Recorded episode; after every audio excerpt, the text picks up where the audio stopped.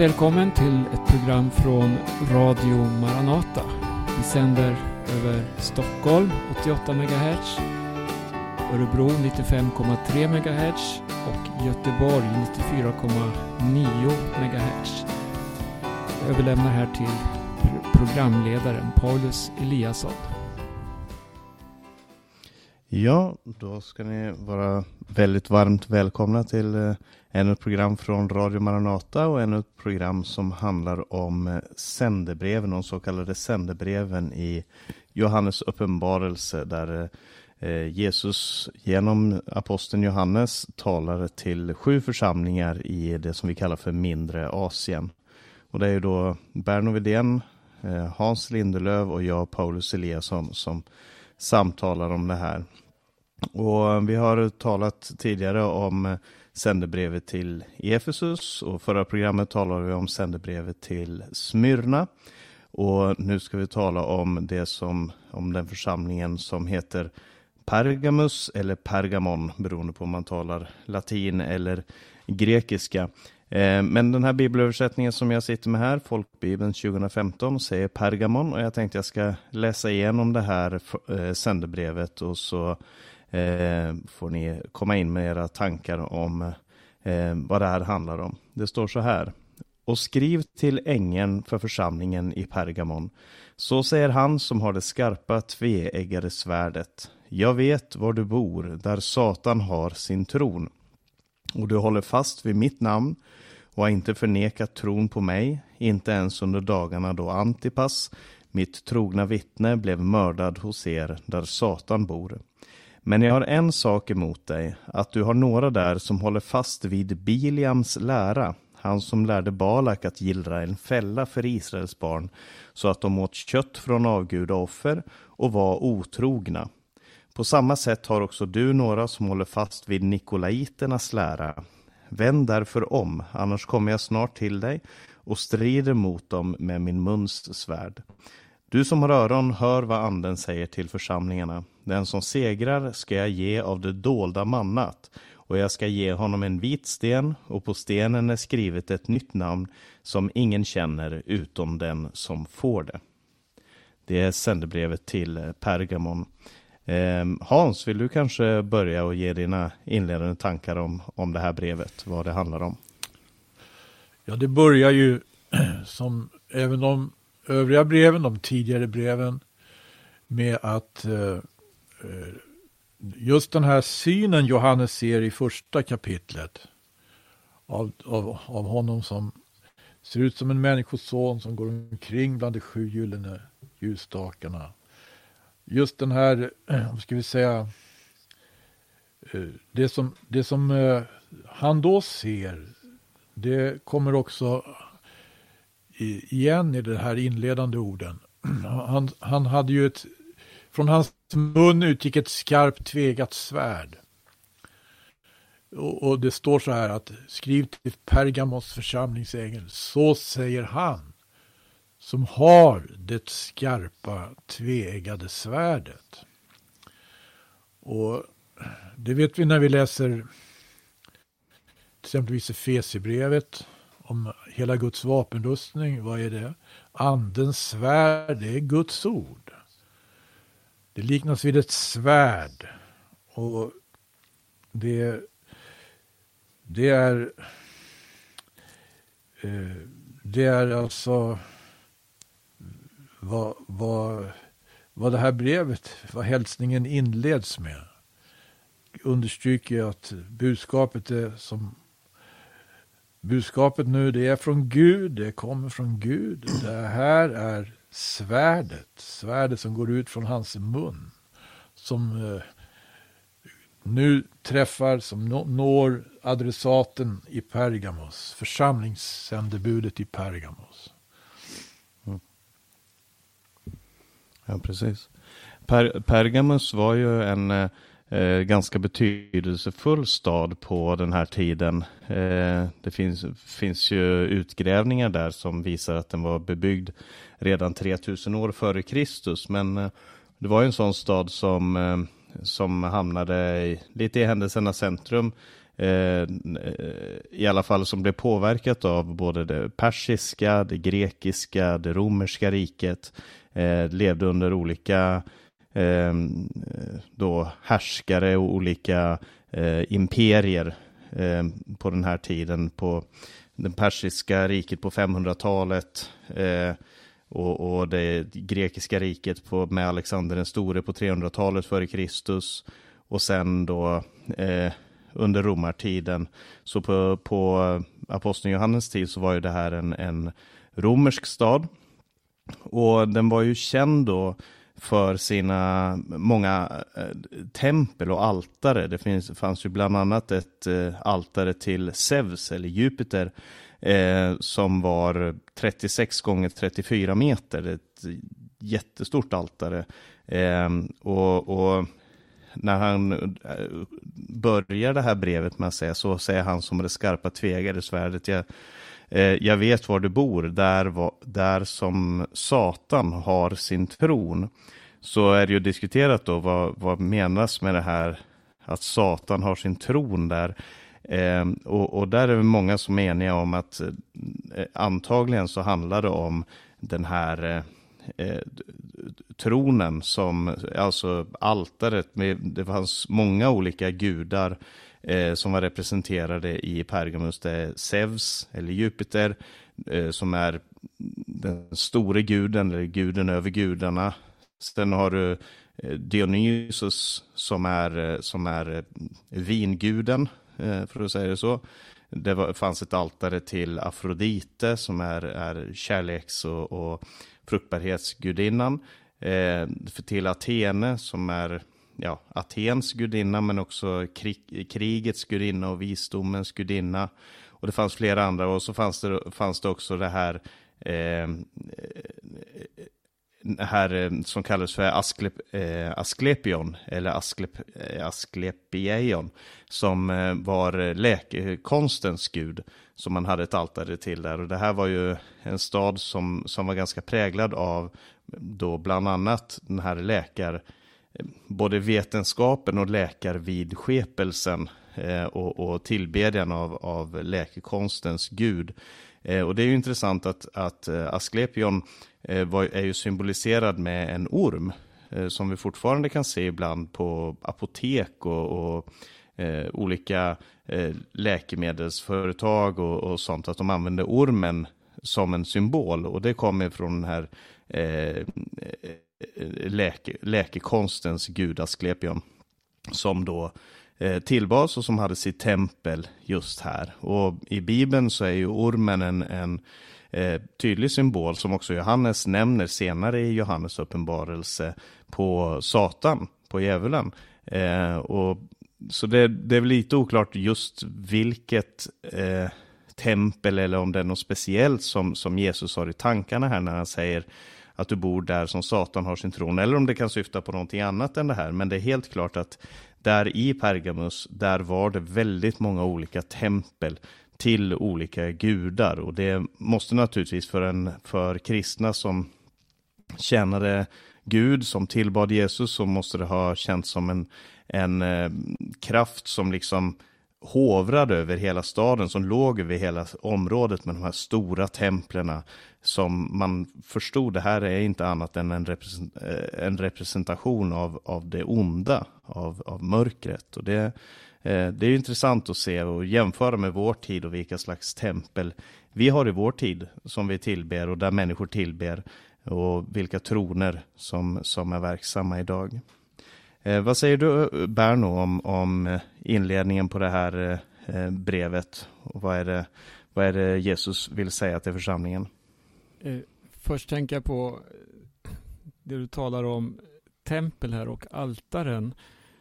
Eh, som eh, fanns uppresta och det var väl ganska typiskt inom kejsarkulten att, att, att alla dessa tempel dels för att hedra kejsaren och för att tillbedja kejsaren. De fanns ju eh, det fanns ju en viss frihet att tillbe var och en sin gud men ändå måste man också tillbedja kejsaren på det sätt som som eh, Rom då bestämde.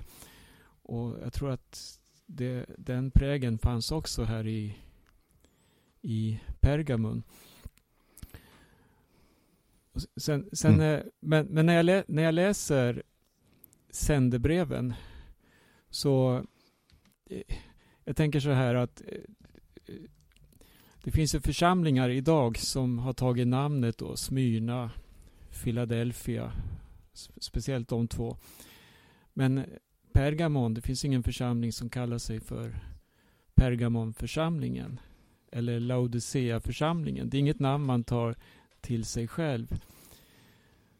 Men det som ändå är hoppingivande när man läser samtliga sändebreven, även de med den värsta beskrivningen, som här då att jag har det emot dig.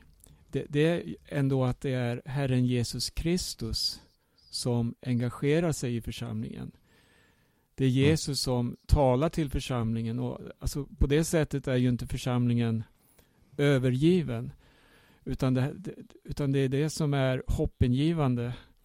Att vi möter ett budskap från Gud till församlingen.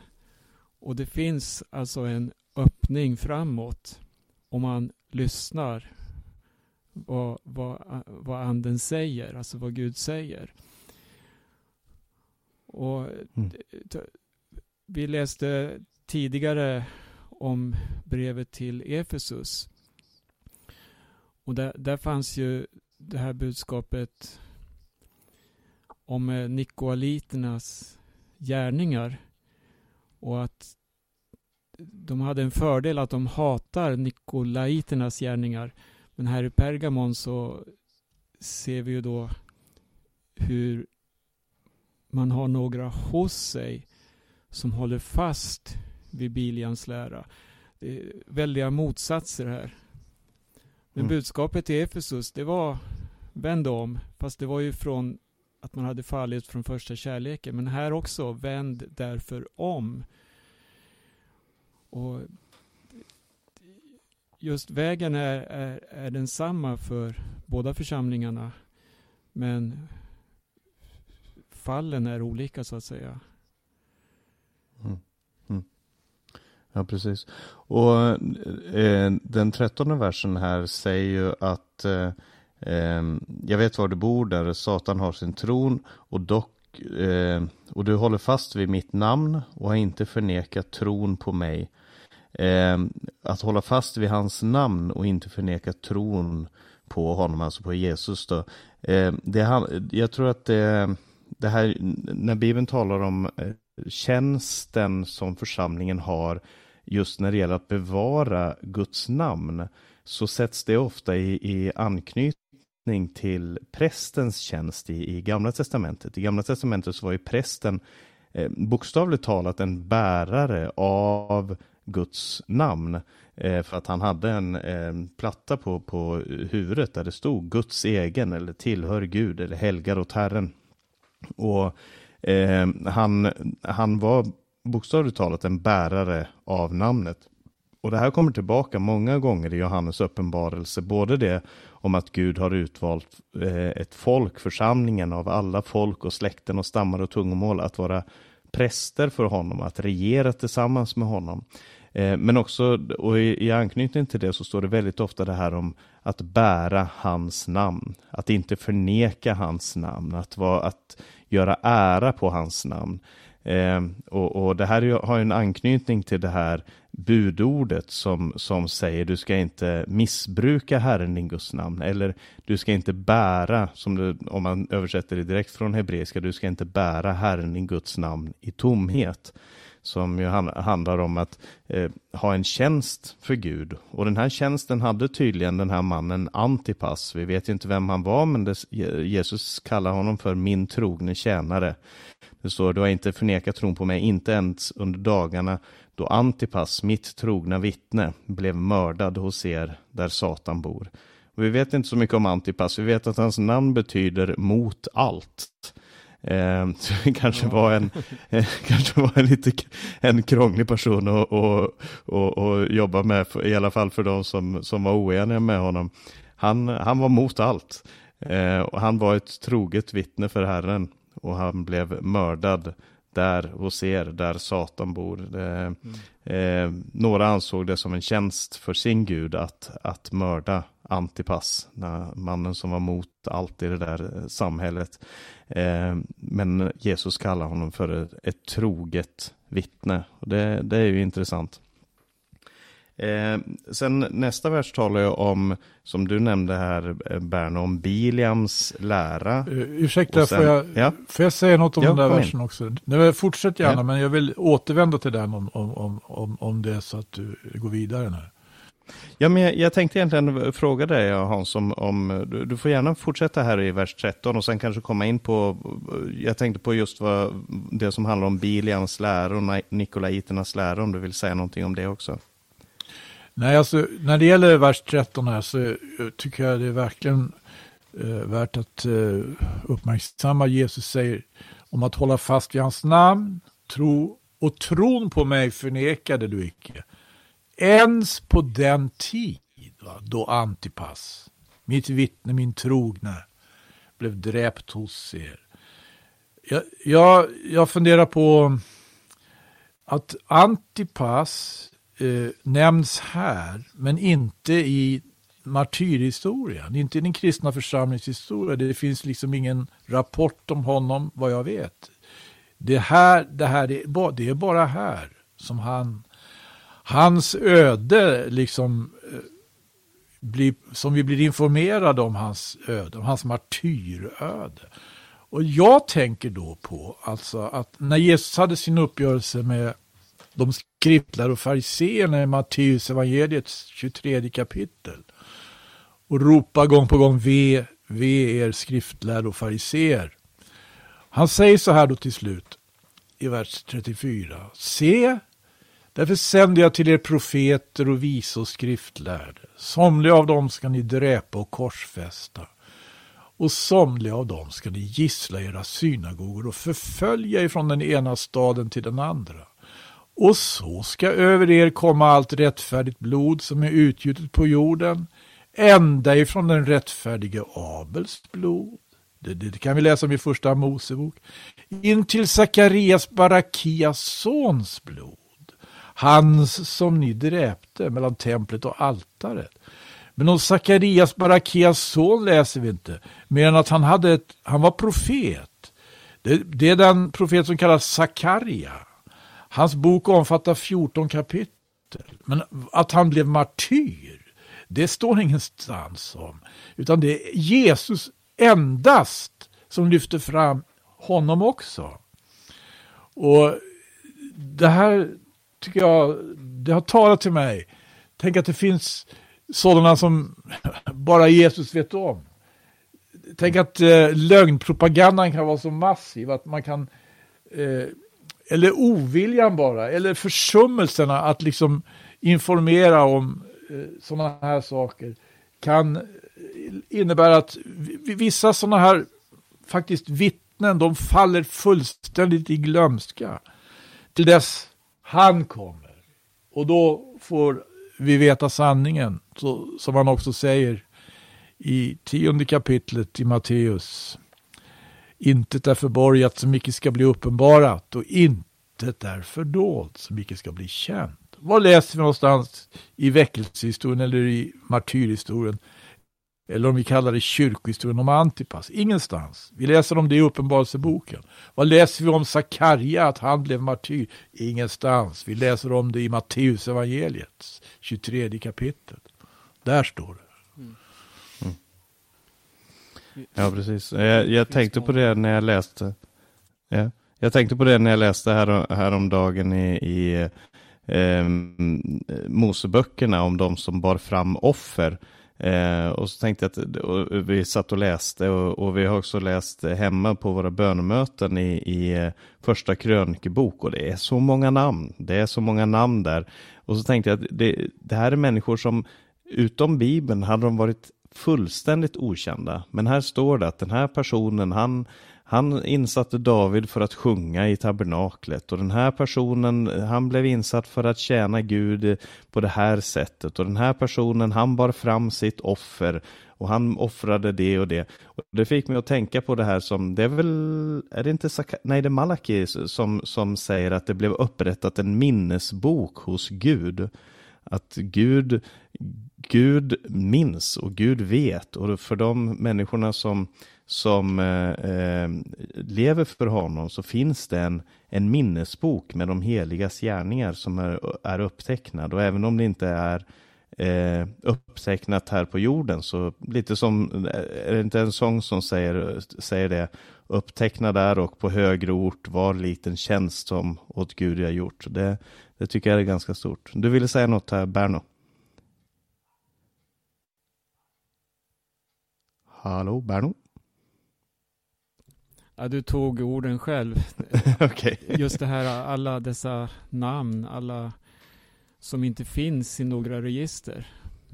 Jag tänker mm. på, ta, ta alla martyrer som vi anar finns idag i Kina, i Nordkorea som sitter i strafflägren, mördas, de plågas ihjäl för Jesu namns skull, men ingen vet vilka de är. De är helt anonyma för oss människor. Men jag tror helt säkert att det finns noggrant uppskrivet i, i, hos Jesus. Mm. Ja. Precis. Vers 14, om vi ska fortsätta här, så vers 14 säger att jag har en sak emot dig. Det här, här har församlingen fått beröm då för att de har hållit fast vid namnet, inte förnekat tron, inte ens då, då de mötte ett martyrium genom den här brodern. Eh, men så säger men jag har en sak emot dig, att du har några där som håller fast vid Biliams lära, han som lärde Balak att gillra en fälla för Israels barn så att de åt kött från avgudoffer och var otrogna.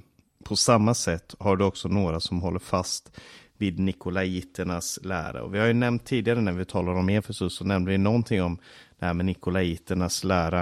Eh, men eh, Hans, kan inte du berätta för oss lite om, om eh, Bal, eh, det står om Balam och, och, och eller Biliam och Balak och, och den här historien?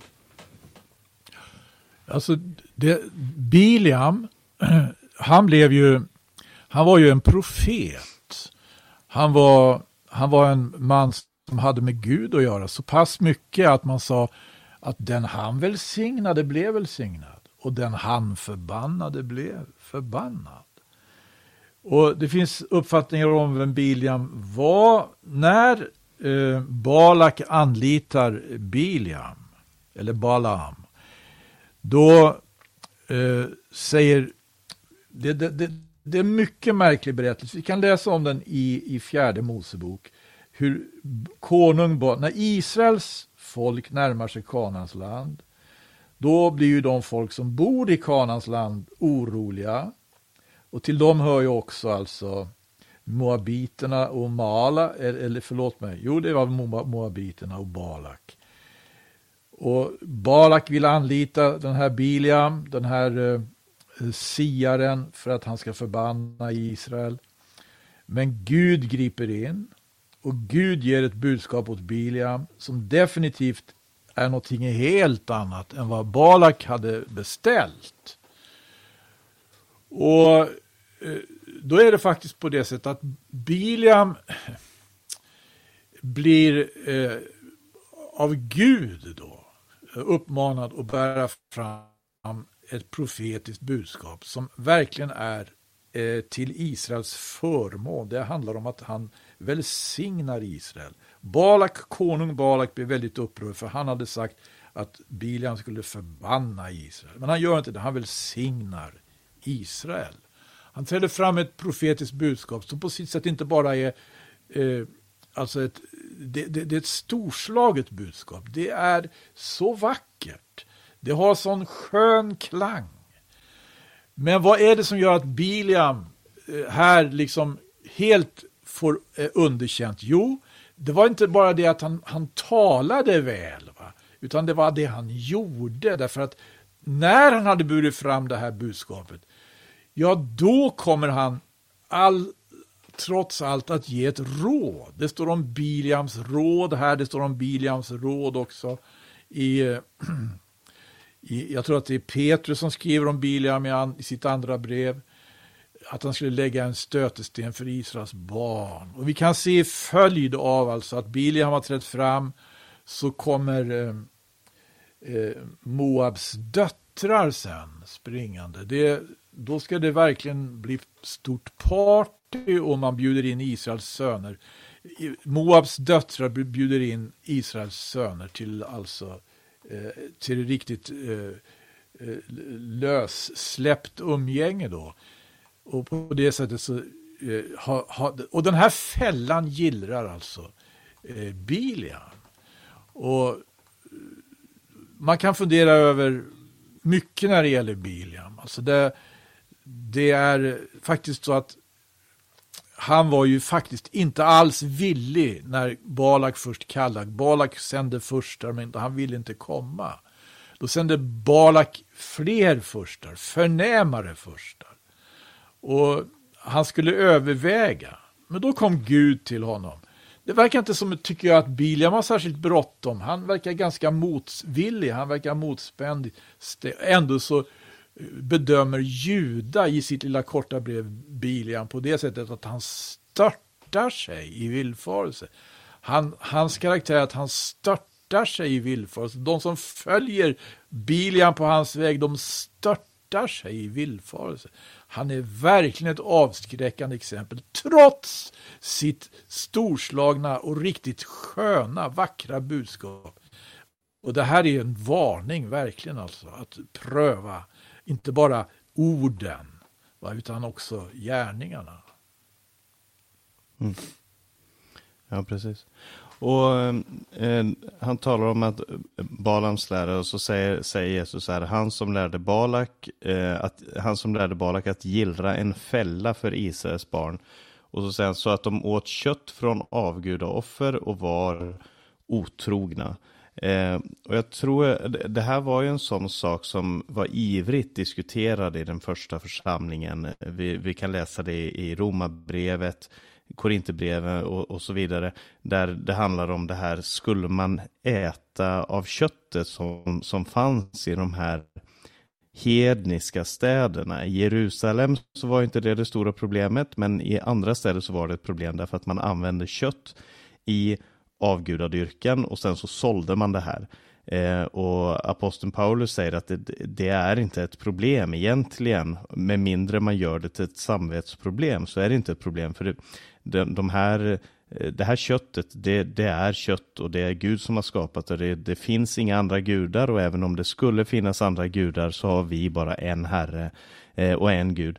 Och, och eh, så, så, det är egentligen inte ett problem. Men så fanns det de som, som uppfattar det här som ett samvetsproblem. Men det det verkar som både här eh, och i, i nästa sändebrev till Tyatira eh, så, så handlar det om en förförelse att få människor i församlingen, inte bara att äta kött som man, som man då eh, menade var helt okej, okay, men att man deltar i de här ritualerna som var en del av den tidens kultur. För oss så kanske det hade varit otroligt märkligt att eh, någon hade kommit och sagt att kom och bli med så ska vi, så ska vi äta kött som, som ingår i en eh, hednisk ritual och, och, och, som tillber andra gudar. Men, men för dem så var det eh, under hela deras liv hade det varit en naturlig del. Och sen så var det de här, eh, du nämnde Hans om, om det som Biliam förförde Israels folk med, nämligen de här kvinnorna som, som bjöd dem in till en fest. Och här var det också en inbjudan till en fest. Det var de här stora orgierna som man hade och man bjöd in alla och alla skulle vara med och det var liksom en slags lojalitet Dels var det liksom ett erbjudande om en festlighet där man kunde leva ut sina lustar. Men det var också ett sätt att visa sin lojalitet till staden, till gudarna, till eh, eh, imperiet och så vidare. Att man, att man deltog, att man var med på i förfänglighetens marknad för att använda Bunyans eh, uttryck. Eh, och, eh, och, och det här eh, hade man då tydligen människor i församlingen som menade att låt oss samarbeta, låt oss oss vara med, låt oss eh, eh, ha en synkretism tillsammans med de här människorna så att vi arbetar tillsammans med dem så vi inte hamnar utanför samhället och så vidare. Och på ett sätt så kan det ju låta irrelevant därför att vi har inte några tempel som vi förväntas gå till och delta i några orger och några avgudaoffer. Men samtidigt så känns det otroligt relevant den här frågan hur ska församlingen förhålla sig till det faktum att vi är, som Jesus säger, i världen men inte av världen. Det, det tycker jag är väldigt eh, angeläget. Jag vet inte om du Berno vill lägga till någonting om de här Biliams lära och Nikolaiternas lära. Mm. Det är det jag eh, tänker spontant på. Det, det är då Biliams enorma budskap som han förmedlar när han profeterar. Och det, är ju, det finns ju till och med en alltså, profetia om Messias. Mm. Om han som skulle komma. Och, och, och tänker det här att Gud kan ju aldrig ångra sin kallelse eller sin nådegåva.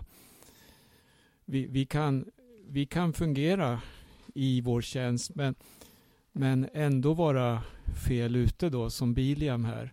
Han, han, han eh, hade ju, gick ju fiendens ärende så att säga.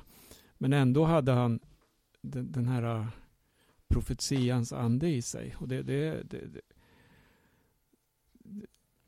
det, kan vara svårt att förstå på ett sätt. Mm. Hur, hur, kan man förmedla ett sådant budskap men samtidigt vara på fel väg? Och det är klart, det finns många exempel också i modern tid som man skulle kunna lyfta fram. Enorma budskap men personer som man sen ser har helt andra uppsåt och andra mål så att säga. Mm. Ja, precis. Ja, det, Biliam är en eh, enigmatisk person. Han är verkligen, eh, man, man, man vet inte riktigt var man har honom i den här eh, Eh, för att det budskapet som han bär fram är så fantastiskt och så samtidigt så är han ett redskap för att förföra hela folket. Och det kanske var något av det de upplevde där i, i eh, eh Pergamus för att eh, om det var några där som höll fast vid eh, Biliams lära så är ju det ett slags avslöjande av, av de här människorna som då kanske var människor som, som hade, som, jag menar om de hade gått in i församlingen och sagt hej vi vill att ni ska börja tillbe avgudar så hade ju församlingen naturligtvis vänt sig emot det. Men att det fanns någonting i det här som var, som kändes så fantastiskt, som kändes så bra. Precis som Biliam som bar fram sin profetia som var inspirerad av Gud helt enkelt. Mm. Men eh, som där andra delar av, av det han stod för och det han manifesterade verkligen var någonting som, eh, som förförde Guds men, folk. Men jag måste fråga, det står Biliams lära. Fanns det någon då som sa vi har Biliams lära eller hur ska man tolka det här? Var Biliams lära något allmänt vedertaget eller är det själva innehållet som det varnas för? Alltså det är ju läran, består ju i att han lärde Balak. Va? Mm. Han lärde Balak att lägga eh, en stötesten. Eh, han eh, gick in för att vara riktigt nyttig där för den makthavaren. Och därmed så la han en stötesten för Israel som han först hade välsignat. Då kan man ju fundera på på vilket sätt kanske det här på motsvarande sätt kunde ta sig uttryck i Pergamus. Hade man förfallit till att bli, vilja bli nyttiga för makthavare. Jesus själv mötte ju den här situationen. Att eh, en profet blev halshuggen i samband med att han trädde Det var Johannes döparen. va? Mm. Johannes döparen ställde inte alls upp på de värderingar som konungen hade och eh, han gick emot det. Och då kunde, då kunde ju liksom det kanske vara, eh, vad ska man säga, för somliga naturligtvis, eh, det, var inte Jesus, det var inte Jesus och hans lärjungar där, utan det, det var inte bara, utan det var ju även andra i Israel, skriftlärda och fariseer som kunde tycka alltså att nej, nu, nu var Johannes lite fanatisk, nu gick han till överdrift här och så vidare. Antipas hörde definitivt inte till det folket som, eh, ska vi säga, kompromissade. Mm. Det, när du ställer den här frågan, eh, Berno, om, om Biliams lära. Eh, jag vet inte om vi har några eh, utombibliska vittnesbörd om det här, men det är intressant att se att eh, Eh, Petrus kallar det för eh, Biliams väg. Han säger de följer samma väg som Biliam. Och Judas eh, kallar det för Biliams villfarelse. Eh, det kanske var, det verkar som att eh, det här var någonting som växte fram och som kanske var aktualiserat i många församlingar. En, en slags eh, variation eller en, en, en eh, förkunnelse som, som kröp in som, som fanns. För att vi vet ju också att det fanns många som, som skapade läror och så knöt man det an till en person i historien. Det finns ju till exempel Enoks bok som ju var en, en judisk skrift på, på, som var skriven lite för Jesu tid och som också eh, eh, finns refererad till på vissa ställen i, i Bibeln. Inte som skrift men i alla fall som en judisk litteratur. Eh, och vi, med allra, allra största sannolikhet så är inte Enoks bok skriven av Enok, men det var människor som då knöt an till Enok som person och så utgick ifrån hans liv, hans gärning, eh, det här att han vandrade tillsammans med Gud och så skapade man en slags värld omkring det. Om man har läst Enoks bok så ser man det ganska tydligt att det är lite vad ska man säga, fanfiction runt omkring. Liksom, hur kan man tänka sig att det var för en man som vandrade i gemenskap med Gud? Vad fick han veta och så vidare. Och då är, jag ser det inte alls som omöjligt att, att det kan handla om att man eh, skapade en slags lära och så knöt det an till en, till en profet. Men det kan också vara, att, tänker jag, att, att eh, Jesus här avslöjar det och säger att den här läran som de kommer med, Nikolaiterna, det de som nämns i vers 15 och jag, jag misstänker att det, det, hör ihop, Nikolaiternas lära mm. och eh, Biliams lära. Att, de, att det var en eh, Nikolait som, som eller eh, kanske någon som hette Nikolaus eller någonting liknande som då fram, och det var hans lära, men att Jesus avslöjade som att det här är egentligen Biliams lära. Eh, och det, det, är intressant för att i nästa sändebrev så kommer ju någonting som kallas för Satans djupheter. Satans djup. Eh, ni har inte lärt känna Satans djupheter som man kallar det. Alltså de, de kallar det för Satans djup och då, då var det väl eh, i den församlingen så fanns det alltså människor som menade sig ha någon slags djupare kunskap antingen om Satan eller given av Satan eh, som de då, då skulle kunna eh, ja, använda på något sätt. Och, och, det är inte omöjligt, tänker jag, att det kan vara någonting liknande här, att man knyter an till en gammaltestamentlig person och menar sig ha eh, någonting av den samma profetiska anden eller vad det kan handla om. Mm. Jag vet inte vad du tänker om det. Ja, det låter som att det kan vara så. Det där ska vi titta närmare på när vi kommer dit, Paulus. Absolut. Ja, ja, men, ja men det ska vi göra. Det ska vi göra. Får se hur långt vi, vi hinner här idag. Men eh, sen så kommer det här, eh, ska jag säga, uppmaningen som jag, jag, jag tänkte på det, det var en som jag läste idag. Eh, som talar om det här när, när Jesus och profeterna och, och här Jesus, eh, i Uppenbarelseboken när, när det kommer det här eh, budskapet omvänd er eller gör bättring eller vänd därför om. Eh, så är det, eh, för att det känns som att det liksom, eh, jag har alltid tänkt på, på den typen av budskap som ett slags, eh, en, inte arg, men, men liksom en, en, en eh, profetisk röst som, som talar med skärpa och som, som skakar om människan och säger nu, vänd om. Men det finns också någonting väldigt, väldigt hoppfullt. Och jag tror du Berno nämnde någonting om det här också tidigare när du eh, talade om det här i inledningen. Att det finns någonting hoppfullt i det här, vänd därför om. Alltså att, att Gud, att Jesus själv ser att hoppet är inte ute. Det finns, det finns, en, eh, det finns en väg tillbaka till det ni hade förr eller till det som Gud önskar att ni ska ha. Vänd därför om. Annars kommer jag snart till dig och strider mot dem med min muns svärd. Inte mot er egentligen, men mot dem, alltså de som förde fram den här falska läran. Och det är väl verkligen ett hopp att Jesus ska kunna bryta in och, och strida emot de fiender som, som församlingen har. Eller vad säger ni? Ja, det är absolut en, en, eh, ett hopp i, i det här budskapet. Och, och det här tycker jag vi möter i, i alla, nästan alla de här äh, omvändelsebudskapen som finns i Bibeln då i olika sammanhang så, så det är förenat med hopp. Det finns ju tillfällen där, där Bibeln varnar för att inte förhärda sitt hjärta och, det, och det, en förhärdelse leder till att man inte är mottaglig längre. Men, men här ser vi ändå vänd om. Det är hopp mm. i det. Ja, precis. Vad säger du Hans om, om vers 16 här?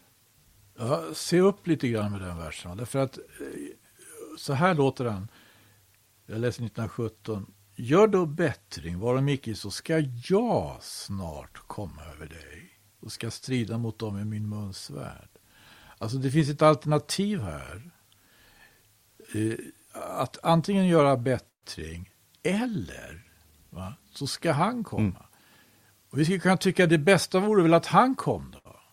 Men här vänder sig alltså Jesus eh, till ett ansvarigt vittne, till församlingssändebudet i Pergamus och uppmanar honom att göra bättring och ta itu med de här eh, oegentligheterna i församlingen. Annars ska han komma. Det är inte alls bättre att han kommer att ta itu med dem. Det är bättre att församlingsändebudet gör det själv. Därför att det är eh, faktiskt eh, eh, ett mycket allvarligt hot här om det skulle vara så att Jesus skulle nödgas ta itu med. Vi vet att eh, i det här sammanhanget kan man tänka på eh, tillfällen då alltså församlingstukt utövats av den heliga ande. Och det har varit eh, inte särskilt skons, skonsamt. Det finns några tillfällen här i sändebreven då det, någonting av liknande tongångar. Vi läste exempelvis i sändebudet till Efesus, vi har, vi, vi har ju tittat på det. Eh, bättra dig, gör åter sådana gärningar som du gjorde under din första tid. Varom icke, så ska jag komma över dig. Ska jag flytta din ljusstake från dess plats. Ja, men det förstår vi. Det är en varning alltså som direkt begriplig. Men att det här är inte så lätt kanske att, att fatta att det skulle vara eh, det är faktiskt eh, eh Jesus, Guds son, eh, som eh, talar här. Och det, honom ska vi faktiskt frukta. Älska, mm. men också frukta. Mm. Samtidigt står det ju här då i breven att Jesus säger jag vet var du bor, jag känner. Alltså, Jesus han erkänner sig till församlingarna. Men så finns det tillfällen där Jesus säger i evangelierna, jag känner er inte. Det måste ju vara något fruktansvärt. Att, att det har gått så långt att Jesus, han, jag vet inte vilka ni är, jag känner er inte. Det finns inget hopp längre. Det, det var någon som sa angående eh, det här eh, eh, som står i, i andra Mosebok om när Gud uppenbarar sig för Mose och han talar till honom och säger och presenterar sig själv, Herren, Herren. En Gud som är långmodig, trofast och, och alla de här eh, attribut, Guds attribut. Och så säger han också som är sen till vrede. Och det betyder ju inte som aldrig blir vred, utan han säger han är sen till vrede. Eh, och så pratar de en del om, om det här. Eh, jag hörde en podcast där de pratade om, om det här med Guds vrede. Och då, och då sa han som var förkunnaren där, han sa det att det man absolut inte vill ha, det är en Gud som inte bryr sig. Alltså en Gud som, eh, som man inte kan räkna med, som inte reagerar på människans ondska, på, på vilddjursmentaliteten som finns så många gånger. Utan att, att, att Gud faktiskt, så länge Gud faktiskt är intresserad av människan så finns det ett hopp. Vänd om Det är, det är ett hoppfullt budskap. Jag kommer, eh, som du säger Hans, det är, det är en varning för att antingen så vänder ni om eller så kommer jag. Eh, och, då, och då ska jag strida emot dem med min munsvärd. Men, men det värsta hade ju varit om, om Jesus hade sagt, jag bryr mig inte vad ni gör. Jag, det, det, alltså eh, till Laodicea, och det ska vi komma till senare, så säger han jag ska utspy dig ur min mun. Och det är ju någonting med en förlorad närhet. Att, att Gud, att Jesus vänder sig bort ifrån församlingen. Men här finns i alla fall den här, den här längtan efter församlingen, att de ska vända om eh, och om en gemenskap. Men det är klart, det är en, det är en, eh, som du säger Hans, det är en, eh, att älska och, och, och det, men en fruktan också in, inför Gud. Och vad, vi, vi tjänar en, en levande Gud som är en förtärande eld, som Hebreerbrevet talar om. Eh, den sista versen här innehåller en del intressanta ting. Ni får säga vad ni tänker om det här. Eh, det står så här, du som har öron, hör vad anden säger till församlingarna. Och det är en formulering som kommer tillbaka i varje eh, sändebrev. Och så kommer den här eh, talet om den som övervinner eller den som vinner seger. Det står, den som segrar ska jag ge av det dolda mannat och jag ska ge honom en vit sten och på stenet är skrivet ett nytt namn som ingen känner utom den som får det. Eh, kanske du Hans vill börja och ge dina tankar om vad det här betyder? Ja, var, var finner vi det dolda mannat? Det föll manna i öknen, men det var inte särskilt dolt. Det var uppenbart för hela folket. Men något av det här mannat tog ju, tog ju Mose vara på. Han lade det i en, i, i en kruka och ställde in det i helgedomen. Och det var tillsammans med lagens tavlor då och även en bokrulle eh, in i helgedomen där ingen annan än översteprästen fick komma. Eh, jag, jag tänker också på aposteln Paulus som skriver till korintierna om visdom. Eh, och hur det är skillnad mellan denna världens vise och Guds vishet. Men han skriver då till korintierna i andra Korintierbrevet, eller första korintierbrevets andra kapitel, visdom talar vi dock. Men en visdom som icke tillhör denna tidsålder, inte tillhör denna tidsålders mäktig, vilkas makt blir till intet. När vi talar Guds fördolda visdom. Det finns ett manna som ligger på marken som eh, var och en får samla ihop. Men det finns också ett manna i själva helgedomen som ett vittnesbörd om någonting, alltså att det är något mer med det här mannat. Det är något mer med Gud än vi eh, kan fatta. Och jag vet inte riktigt, eh, det hör väl till det som inte är så lätt att klä i ord. Men att få mm. tag i någonting, vi kan till exempelvis uh, läsa i psalm 106 va, hur Israel fick tag i någonting. När, när Gud hade fört dem genom Röda havet, då står det då sjöng det hans lov, då trodde det på hans ord. Men så står det, snart glömde det hans gärningar. Varför? Jo, det förbidade icke hans råd. Det är alltså någonting mer då med det här Gud har talat till oss. Det är någonting mer med Guds rådslut. Det trodde på hans ord. Men det hade ännu inte trängt in i hans rådslut. Eh, det är någonting med det här som det dolda mannat handlar om tror jag. Mm.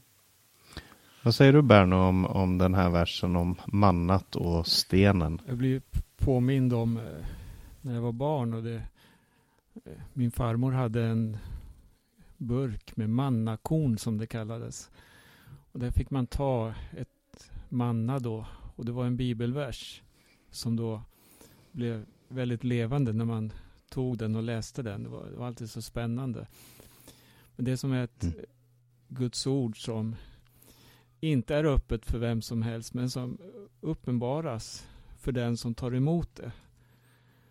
Och budskapet är ju inte för kleti och kreti som man säger hur som helst. Det är inte värdelöst och det är inte en allmänning utan det är ett dyrbart Guds ord, ett dyrbart budskap som eh, vill ta sin boning i oss som också är då bräckliga kärl och det vill leva dolt i våra liv.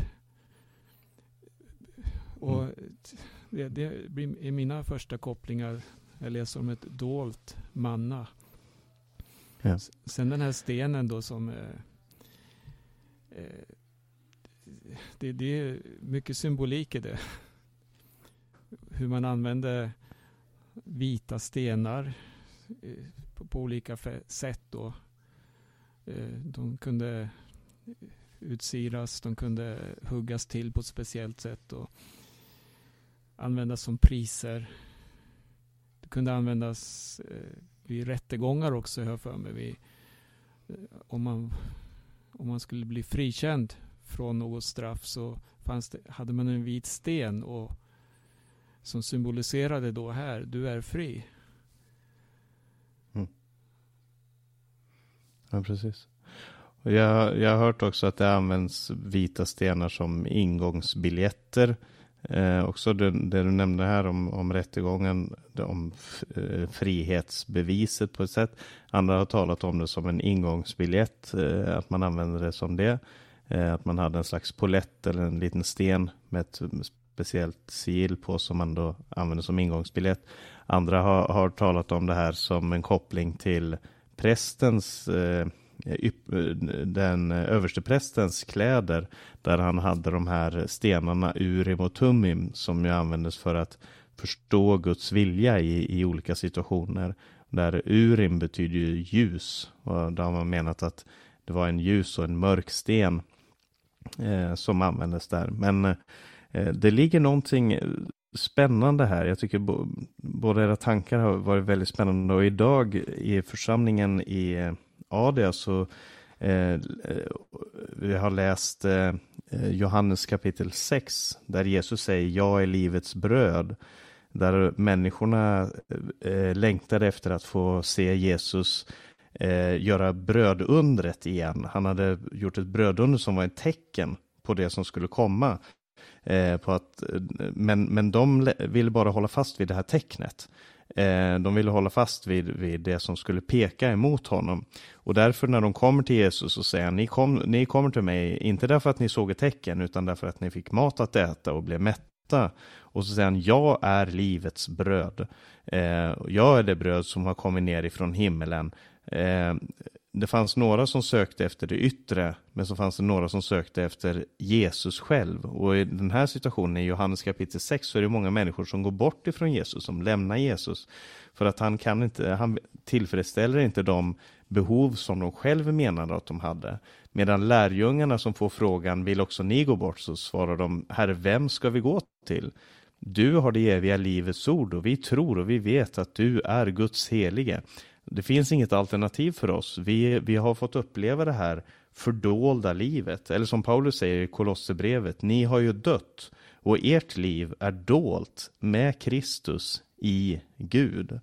Och så finns det en väldigt, eh, en väldigt vackert, ett väldigt vackert ordspråk i Ordspråksboken kapitel 14. Så står det i vers 10. Hjärtat känner sin egen sorg en främling kan inte dela dess glädje. Alltså att en människa är, är ensam i sitt hjärta. En, eh, man upplever en ensamhet både i sorgen och i glädjen som man, som man själv har för att det finns ingen som kan verkligen dela den. Men om vårt liv är dolt med Kristus i Gud, om vi har fått del av det dolda mannat som är Jesus själv, som, som handlar om vem Jesus är, så, så finns det ett fördolt liv i Kristus där vi kan få del av hans glädje och hans sorg.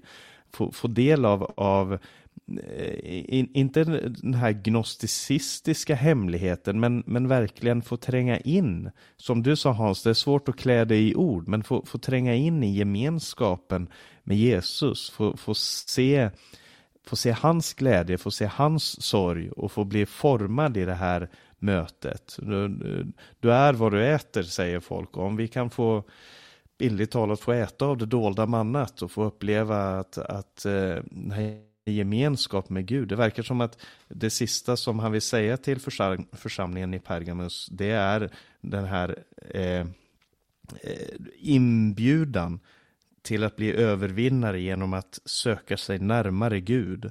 Eh, och på den här mannat och stenen handlar om, om att liksom, eh, söka sig mot de verkliga värdena som den här världen inte kan se. Jag tycker det är helt fantastiskt.